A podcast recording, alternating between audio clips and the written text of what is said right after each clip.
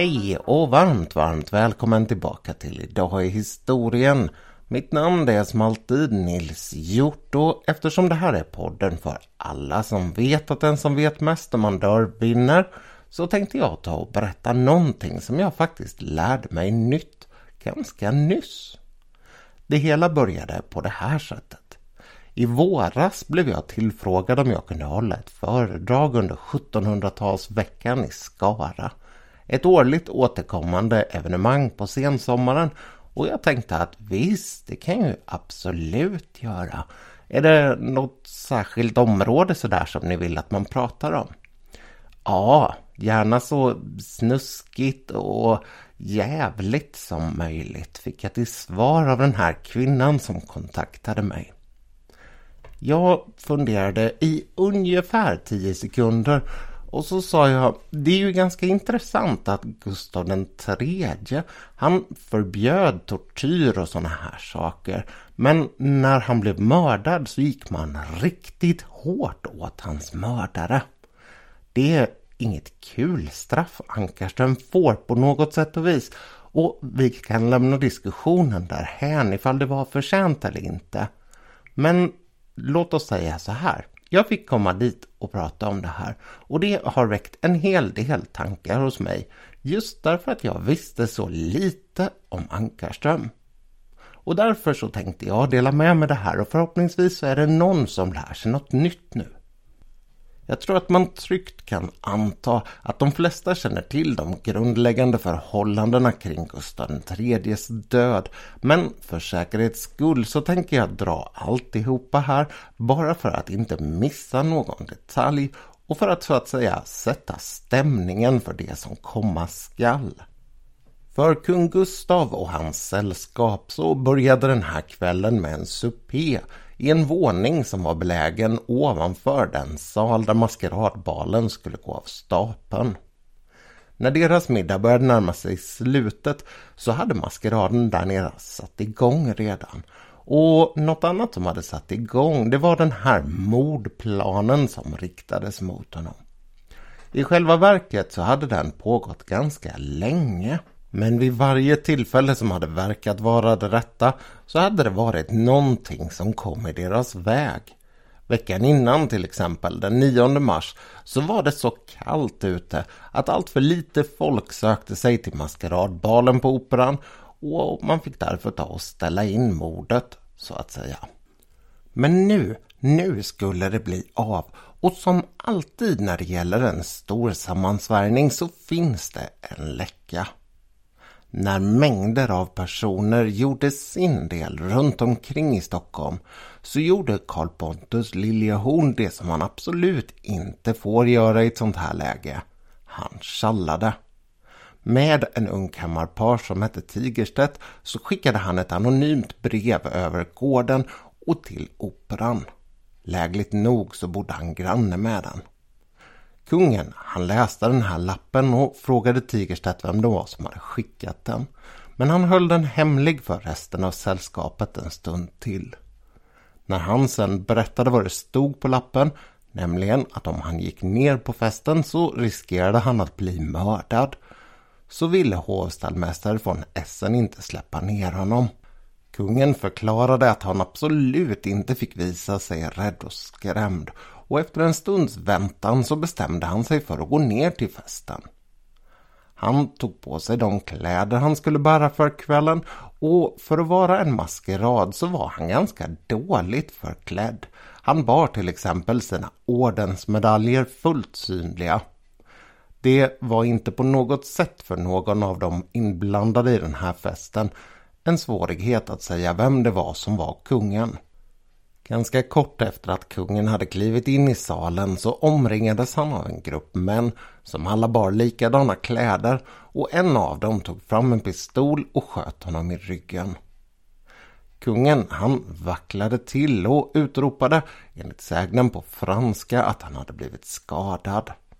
Han föll dock inte ihop och för attentatsmännen så var det här förmodligen en liten chock. De följde sin plan och utropade att elden var lös, elden var lös för att skapa oordning i rummet. Men trots det så kom attentatsmannen inte närmare och kunde fullfölja attacken. Inte heller lyckades man komma undan. Kungens vakt reagerade fort och såg snabbt till att dörrarna låstes. Några hann slinka ut men inte utan att deras namn antecknades. Därefter fick alla ta av sig maskerna och man skrev ner namnen på de som hade varit där samtidigt som man började söka igenom lokalen. Nils Henrik Liljensparre, en legendarisk polischef får vi väl kalla honom, i Stockholms historia kom snabbt till platsen och den utredning han nu skulle utföra kommer faktiskt att gå till historien som en ganska fantastisk bedrift Eftersom rummet har blivit låst så har man inte kunnat göra av med mordvapnen. Och utifrån de två upphittade pistolerna och den upphittade kniven så börjar man nu söka mördaren. Det går tämligen enkelt. Polismannens män de går runt i Stockholm till de olika vapensmederna och frågar vem de här pistolerna tillhör. Och snart så får Liljensparre reda på att de tillhör en adelsman vid namn Ankarström. En person som inte är särskilt känd i adliga kretsar på något sätt och vis. Och han visar sig bo på Gamla Brogatan dit man också går och arresterar honom under morgonen eller förmiddagen dagen efter. Förhören som därefter följer går enklare än vad Liljensparre förmodligen hade hoppats. Det är inga problem alls att få Anckarström att erkänna att det var han som sköt. Men när man frågar honom ifall det finns någon annan inblandad så hävdar han styvnackat att så inte är fallet. Alltihopa hade han utfört själv, berättar han.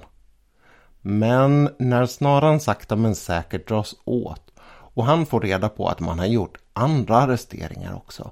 Arresteringar bland annat utifrån vilka personer han säger sig ha umgåtts med så börjar man plocka in folk och Ankarström förstår att det är lika bra att berätta allt.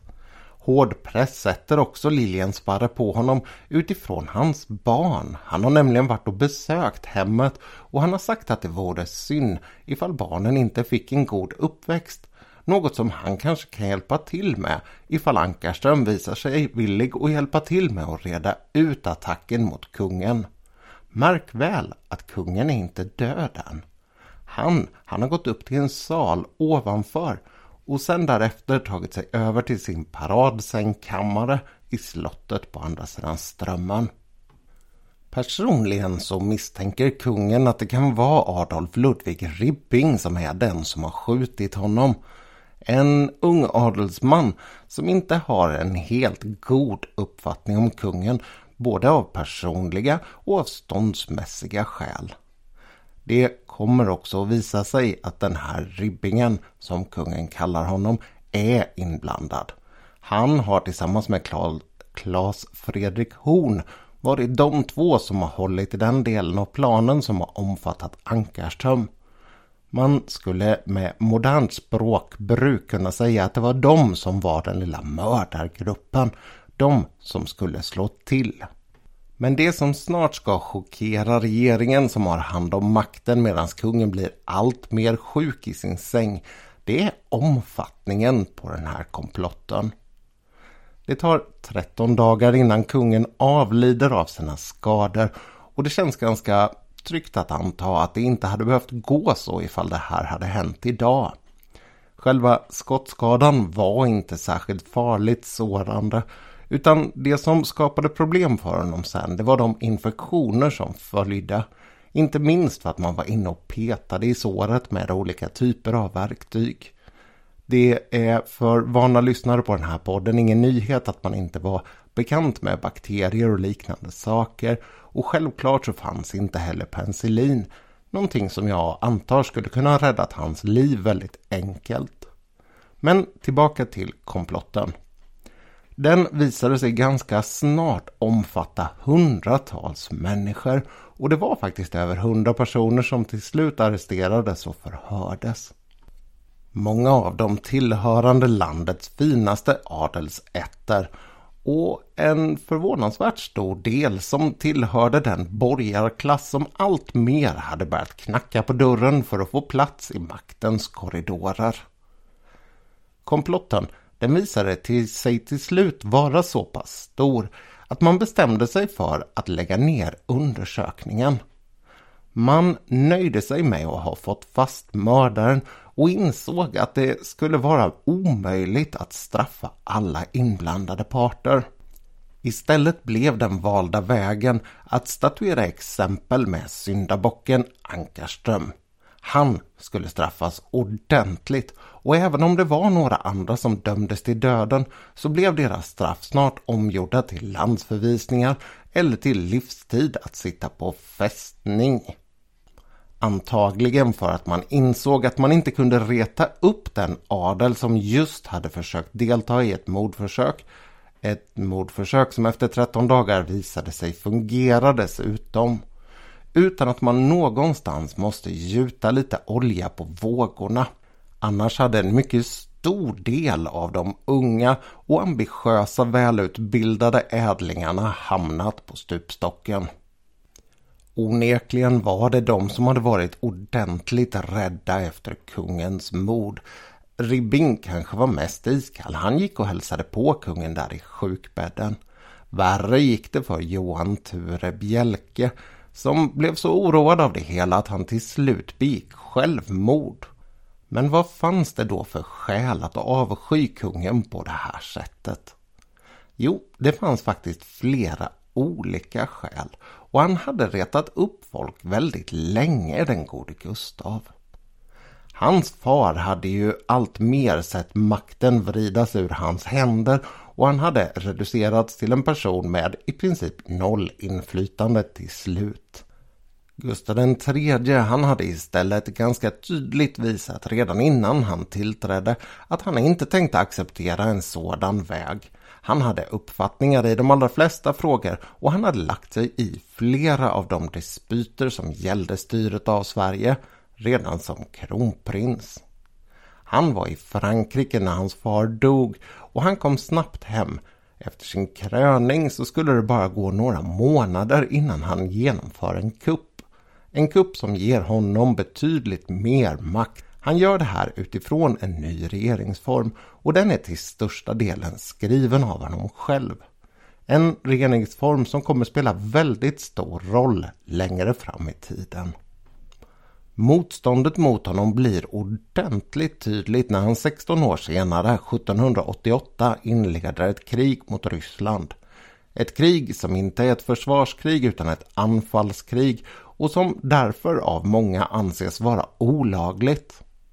Det bildas ett förbund bland de finska officerarna, förbundet som är känt som Anjala-förbundet och där man vägrar gå med på det här kriget till en början. Det hela övervinns av kungen som i slutet av det här kriget gör en sanslöst hög satsning med flottan och går hem med den. Det leder till att kriget som har gått ordentligt dåligt inte behöver betyda några landavträdelser för Sverige och att den ryska inblandningen i svensk politik minskar. På så sätt skulle man väl kunna se det som en framgång men inrikes så har han fått en hel del bekymmer och en hel del motståndare. Inte minst för att han gick så hårt fram emot mannen som hade lett det här upproret i Finland. En eh, man som hette Hästesko.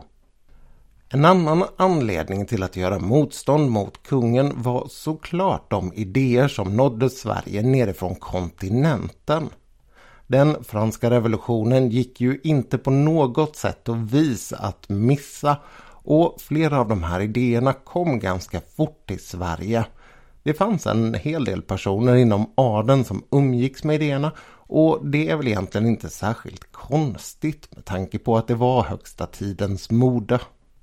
Den främste supporten för de här revolutionsidealen var just Ribbing och att kungen hade gjort tvärt den franska revolutionen när han drev igenom sin förenings och säkerhetsakt och knöt ännu mera makt till sig själv retade naturligtvis både de som var upplysta och de som hade förlorat makt, nämligen adeln. Det kungen gjorde var att med böndernas stöd vrida makt ur adelns händer och ge en hel del nya, eh, ja, vi kanske inte ska kalla dem privilegier, men rättigheter till just bönderna. Det sågs av många adelsmän som en rejäl förlust av både makt och prestige. Och det fanns många som längtade tillbaka till frihetstiden och en tid då kungen inte var någon man behövde ta någon större hänsyn till. Än mindre bli styrd av. Ovanpå detta så fanns det också en grupp som var personer som hade blivit på olika sätt personligt angripna eller skadade av kungen. I ett Stockholm med omkring 50-60 000 invånare så är det inte särskilt konstigt att det finns folk som har en nära relation till kungen och att det blir en hel del spel kring honom. En av dem som hade förlorat här var återigen Ribbing. Kvinnan han älskade hade hamnat hos von Essen istället och det var kungen han skyllde för detta. Ribbing hade till och med gått så långt så att han hade blivit en av de, gissar jag, sista adelsmännen i Sverige som var med i en duell. En duell mot just den här von Essen om kvinnan han älskade. Det går att gräva djupt i de här olika skälen att avsky kungen. Men enkelt uttryckt och för att ha med någonting i bagaget härifrån så kan man sammanfatta det i de här tre grupperna adelsmän som tyckte att de hade förlorat makt och prestige. Folk som trodde på revolutionsidéerna och som ville utveckla något nytt sätt att styra i samhället. Och de som hade ett personligt agg eller faktiskt någon form av hämndkänslor mot kungen baserat eh, helt på personliga händelser. För Ankarströms del så är det inte helt lätt att beskriva vad det var som gjorde att han deltog i mordet.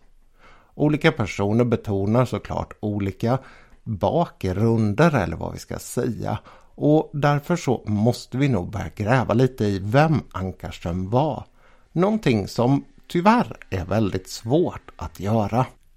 Anledningen till att det är tämligen svårt att hitta några trovärdiga uppgifter om Ankarström står såklart att finna i de händelser som utspelade sig efter att han häktats i mars 1792.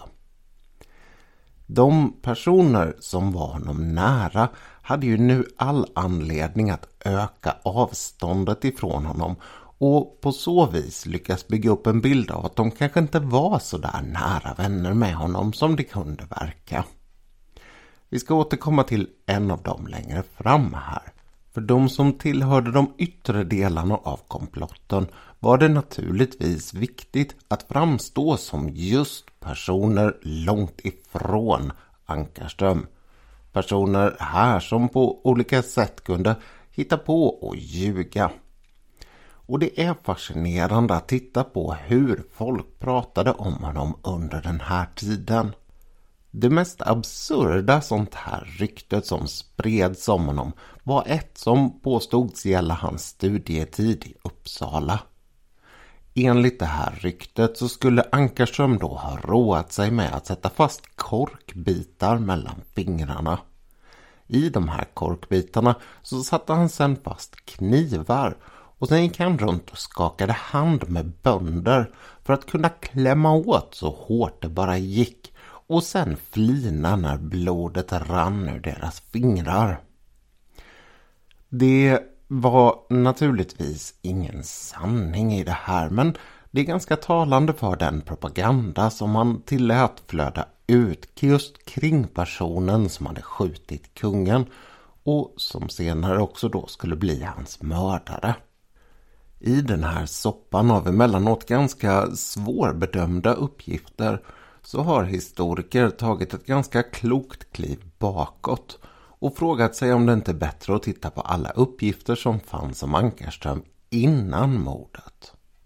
Och det är från de källorna som han oftast beskrivs. Den gängse bilden av honom har varit att han är en lite obildad adelsfigur som är ganska besatt av att tjäna pengar och därför grälsjukt bråkar fram och tillbaka med sina grannar. Vi kan ta och börja med Ankarströms liv från början utifrån de källor som åtminstone är obestridliga. Jakob Johan Ankarström föddes 1762 och skulle alltså fylla 30 precis efter den där kvällen som han sköt kungen. Han växte upp på en gård strax norr om Stockholm som hette Lindö och han bör ha vuxit upp i en miljö som var eh, ganska modern. Den var dock inte utan baksidor. När han var nio år gammal så dog hans mamma och historien låter berätta att hans pappa var väldigt, väldigt sträng. Han, beskrivs det, uppfostrade sin son alla Rousseau. Riktigt hur det här hänger ihop med den schweizisk-franske upplysningsfilosofens syn på uppvisning har jag inte riktigt fått kläm på. Därför att som jag minns hans tips och idéer om hur man ska uppfostra en gosse så gick det inte ut på att vara hård, sträng och snål. Men sådan tycks han ha varit. Pappa Ankarström, som även han hette Jakob Johan Ankarström. Någonting som talar för att han faktiskt tänkte att hans son skulle uppfostras à la Rousseau var det faktum att han tycks ha varit ganska beläst vad det gäller de franska idéerna. Det här ledde till att pappan tog kontakt med en man som hette Karl Kristoffer Görvel. För övrigt morfar åt Karl Jonas Love Almqvist. Denne Görvel var både utbildad och beläst och han är en av de personer som främst såg till att de franska texterna publicerades i Stockholm vid den här tiden. Han drev en egen boklåda och han gav dessutom ut olika tidningar med innehåll från kontinenten. Tillsammans skulle Ankarström den äldre och Görvel, tyckte Ankarström, ge ut en encyklopedi precis som den stora franska encyklopedin. Det här arbetet det hade man kommit tämligen långt med när Ankarström den äldre dog. Jakob Johan den yngre var då 15 år gammal och i sitt testamente så såg pappan till att Görvel blev en av hans förmyndare. Görväl har vid den här tiden uttalat sig väldigt väl om barnen Ankarström. Jakob Johan hade två yngre bröder och han har sagt att de är både hederliga och duktiga barn. 15 år senare när Jakob Johan har skjutit kungen då är relationen till Görväl inte längre densamma. De har brutit 1786 och det här det har flera orsaker. Bland annat så har man olika uppfattningar om kungen och det ska sägas redan nu att Görvel han var en rejält hård royalist. De verkliga orsakerna till att relationen brast tycks vara att dels så ville Görvel inte lämna sitt stöd till att Jakob Johan skulle kunna göra om Lindö till en fideikommiss. Det vill säga att han skulle kunna ärva gården obruten från sin fars dödsbo och sen kompensera sina bröder ekonomiskt. Görvel verkar ha menat att det inte fanns tillräckligt med pengar hos Ankarström för att åstadkomma den här lösningen. Och Ankarström han tycks ha tagit det här som ett rejält svek. Görvel å sin sida, han tycker att Ankarström har lagt sig i alldeles för mycket av sin hustrus frus hustrus familjs liv. En familj där Görvel själv hade släktband och bland annat så tycks han ha anklagat Jakob Johan för att en i den här familjen dog för tidigt. När Jakob Johan väl sitter häktad för mordet så kommer Görvel att berätta en hel del för polisen om honom. När man börjar fundera på ifall det finns kopplingar ner till Frankrike i den här mordkomplotten så förklarar Görvel att det inte finns en chans att så är fallet. Han menar att Jakob Johan inte kan något annat språk och svenska, det kan han knappt skriva. Och det är den här bilden till väldigt stor del som har fått leva kvar. Som jag sa tidigare, bilden av Jakob Johan Ankarström som en tämligen obildad adelsman. Inte särskilt duktig på att skriva eller tala och definitivt inte en tänkare. Ett redskap i händerna på de andra i komplotten. Ovanpå det så har man väldigt mycket tryckt på den här grälsjukheten som ska ligga till bakgrund till att Görväl och han fylls här. När Ankarström den äldre avlider så söker sig den yngre Ankarström 15 år gammal till militären. Han kommer ge sig in i Livgardet och när han 21 år gammal söker avsked därifrån så har han kaptens rang. Historien berättar tydligt om hans stora problem med att inordna sig där och hur han ständigt bråkade med officerarna.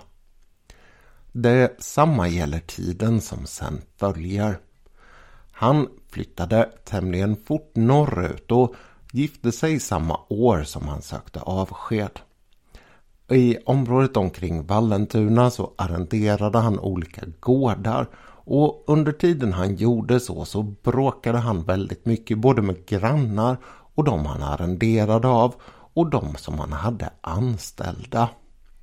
Återigen här så kan man få höra historier om hur grym han var mot bönder som arbetade för honom. Efter att han har förlorat arrenden på den sista av de här gårdarna så flyttar han in till Stockholm igen. Där kommer han nu att försörja sig på att låna ut pengar och det händer en hel del lite små konstiga saker även här. Den kanske för den här historien viktigaste händelsen är när han 1790 ger sig iväg till Gotland ihop med sin fru och en god vän. Riktigt vad de ska göra på Gotland är man inte helt säker på. Men enligt hans egen uppgift så var han där för att hitta något objekt att köpa. Investera i mark helt enkelt. Kruxet här var att det lilla Stockholmssällskapet redan på båten på väg till Gotland började tala illa om kungen. Man fortsatte också göra så när man hade kommit till land och det var någonting som inte uppskattades alls av gotlänningarna. Anledningen till det här var att Gotland nu var i en tämligen utsatt position. Kungens krig med Ryssland pågick ju fortfarande och man oroade sig för att det skulle komma en attack mot ön. Det bar sig inte bättre än att Ankarström, hans fru och hans vän anmäldes till myndigheterna och att de i sin tur fick söka tillstånd från Stockholm för att arrestera honom. Han hann resa hem innan man fick ett sådant tillstånd vilket gjorde att han sen fick gripas i Stockholm och föras tillbaka till Gotland. De båda männen var väldigt upprörda över den här behandlingen och har klagat ordentligt på hur man omhändertogs. Resan fram och tillbaka lär inte heller ha varit särskilt trevlig men när kungen sköts i mars 1792 då hade situationen börjat lugna ner sig för Ankarström. På hösten 1791 så hade han fått tillstånd att lämna Stockholm igen och mycket pekade på att han faktiskt skulle bli frikänd. En myt som länge har spridits om det här är att Gustav III själv ska ha gått in till Ankarströms fördel och hjälpt till i den här processen. Det tycks dock bara vara en skröna och någonting som man har så att säga kryddat historien om Ankarström med för att framställa kungamördaren som ännu mer otacksam mot sin kung. Det är också under den här perioden som Ankarström börjar umgås ordentligt med Horn. En av de andra som ingår i den här gruppen som slår till och utför attacken mot kungen. Och det är genom Horn som han tydligen lär känna Ribbing väl. Men samtidigt så pratas det en hel del om hur illa han uppförde sig på olika riksdagar och på drottningens begravning och så vidare. Så det finns en hel del historier att höra om honom. Finns det då ingenting från andra hållet? Jo, det gör det faktiskt. När jag började förbereda mig för den här föreläsningen jag skulle hålla så hittade jag någonting som jag tyckte var en fantastiskt underhållande text att läsa. Stig Jägerskjöld var en jurist som skrev en hel del historia och som för 70 år sedan höll ett föredrag som ämnade förändra bilden av Ankarström.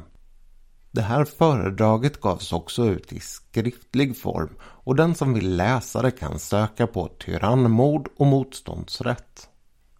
Det är också där som han diskuterar Ankarström och det är här som jag finner det riktigt intressant.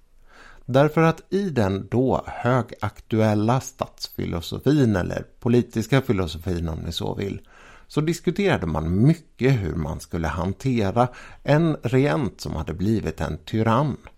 Den mest radikala uppfattningen här tog avstamp i John Locke och menade att det var okej, okay, eller nästan till och med påbjudet, att mörda regenten om han började bryta mot lagarna.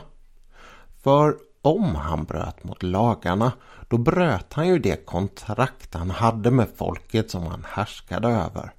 Och bröt han kontraktet så var det ju inte längre giltigt, vilket gjorde att han bara blev en människa som alla andra. Och var han en människa som alla andra som försökte härska på det här sättet så begick han ju brott och därför så skulle han avsättas. Och vägrade han göra det frivilligt så fick man alltså döda honom enligt den här logiken. Och det finns faktiskt en hel del i Ankarströms försvar som bygger på just de här tankarna. Radikala och högfashionabla tankar från tiden. Och det är det som gör det hela så intressant. Därför att enligt en person som gör väl, den här mannen som skulle skriva lexikon ihop med Ankarströms far. Eller faktiskt gjorde det, men nu får jag hoppa ur spår här en liten stund. Det utkom en del av det här lexikonet, eller encyklopedin. Och det visade sig sen att pengarna de gick helt och hållet till Görväl och inte till Ankarström. Vilket var ytterligare en anledning till att de blev osams 1786. Det hade jag egentligen inte tänkt ta upp men nu kom det med. Alldeles oavsett den där konflikten så menade ju Görväl när Ankarström väl hade blivit häktad att han knappt kunde skriva. Det här är någonting som Jägerskiöld vänder sig väldigt skarpt emot och jag är faktiskt beredd att hålla med honom efter att ha läst de partier ur en text som Ankarström skrev under sin tid i häktet som han har med i den här uppsatsen. Det bör för övrigt nämnas vid det här laget att det faktiskt var så att samtiden förundrades över hur lugn Ankarström var. Han tog tiden i häktet med ro och tydligen så var han tämligen klar i tanken kring vad det var som väntade honom.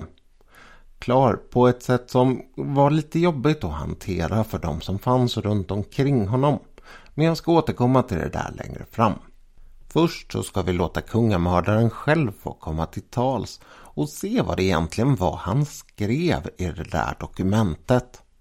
Det låter så här i ett halvtaskigt försök från min sida att snabbt modernisera 1700-talssvenskan.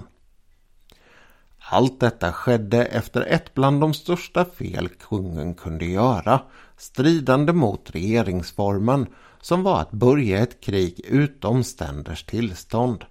Detta allt kunde ju hos var människa som ägde den minsta tanke och känslor för medborgare, frihet och säkerhet ej annat föda än svåra och ohyggliga känslor mot den som sådant utövat.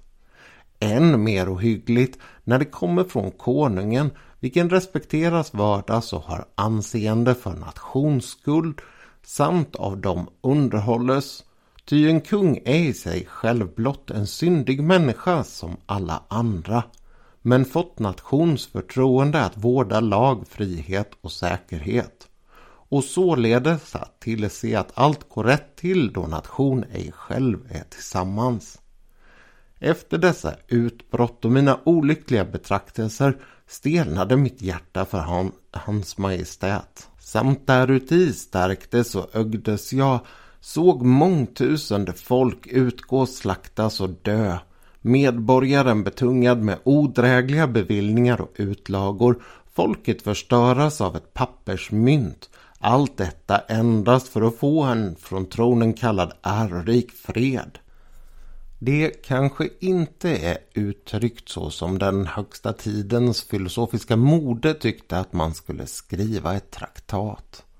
Men det här är inte en idiots ord i mina ögon. Tvärtom så är det en person som har en hel del koll på vad det är han tänker och hur han ser på kungens handlande. Och när Jägersköld gräver vidare i Ankarströms liv så avslöjas en hel del intressanta detaljer. För det första så är det inget som helst stöd för att han var särskilt grälsjuk eller att han hade problem med att inordna sig under sin tid i militären. Tvärtom så skulle den man, Aminoff, som skrev om honom till kungen säga att han var ganska ordinär. Det fanns inget särskilt positivt och inget särskilt negativt att säga om honom.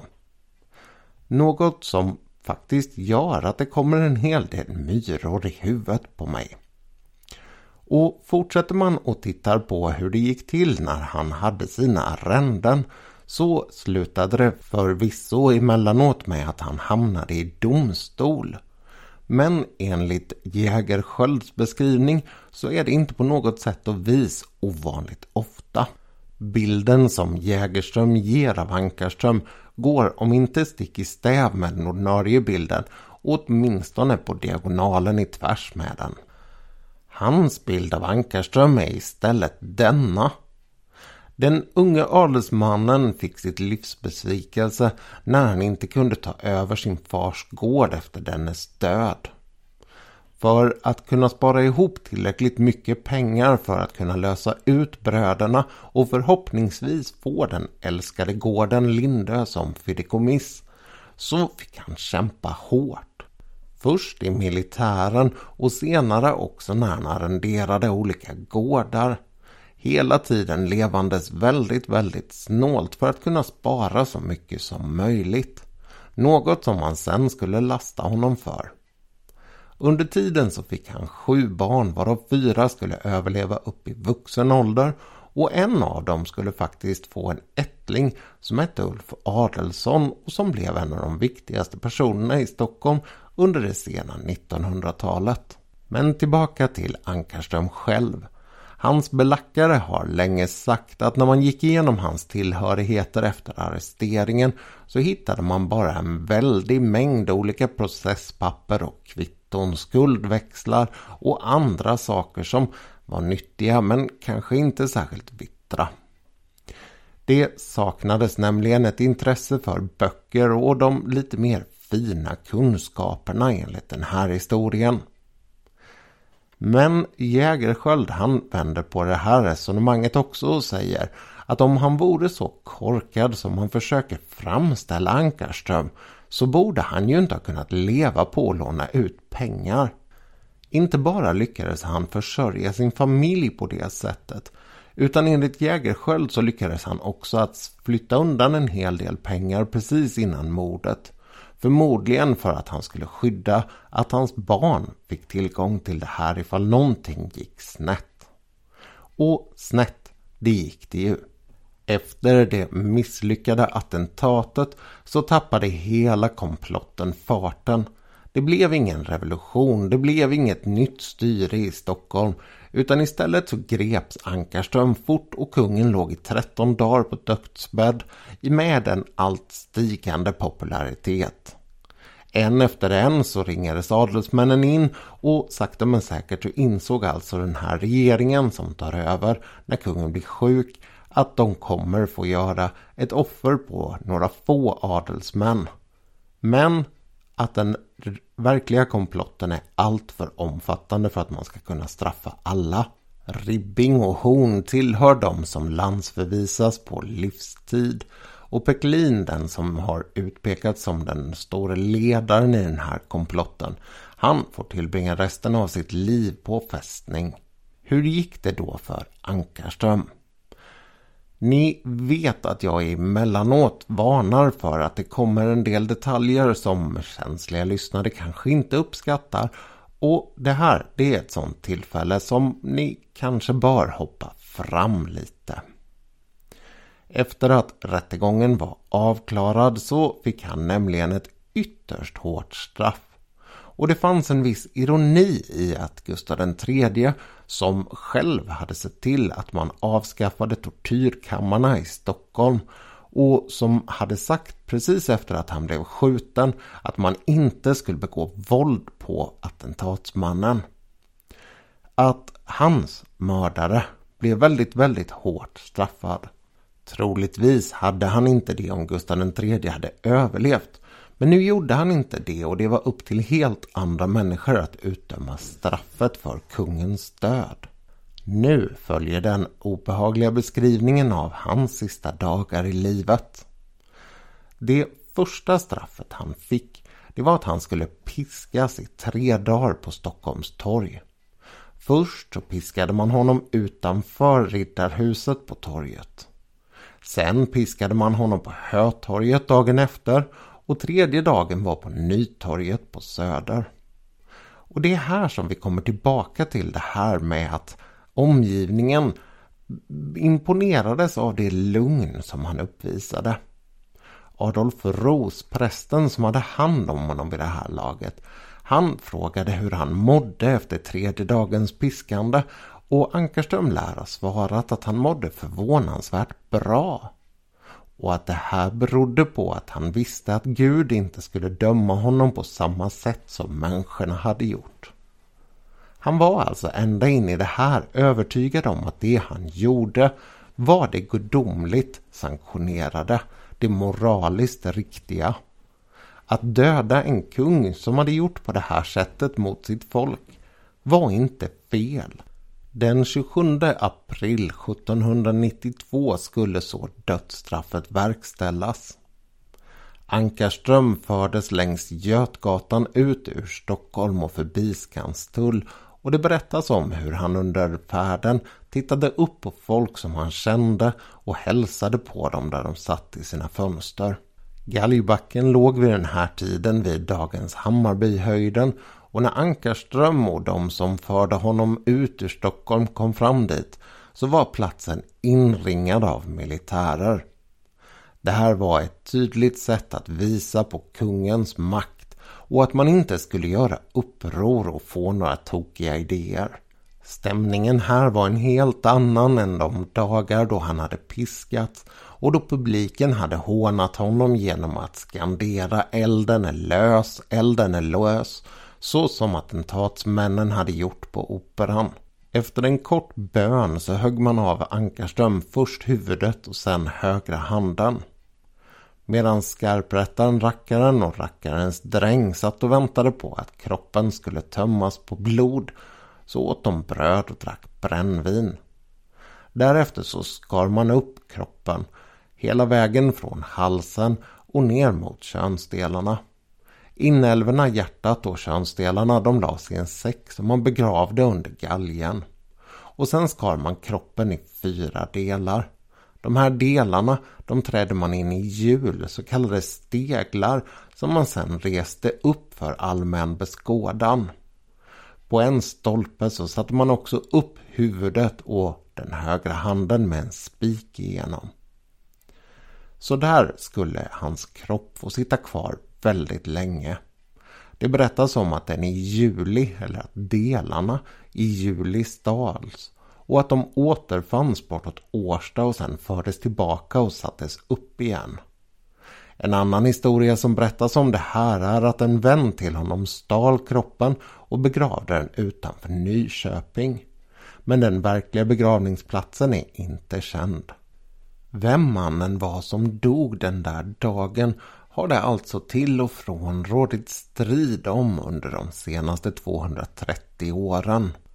Mer eller mindre seriösa försök att tillföra någonting till historieskrivningen görs hela tiden och jag måste säga att ett av de som faktiskt mest fångat mitt intresse var just det här av Jägersköld. Jag är inte säker på att jag köper hans beskrivning rakt av men jag kände att det kunde vara intressant för er lyssnare att få höra om det här.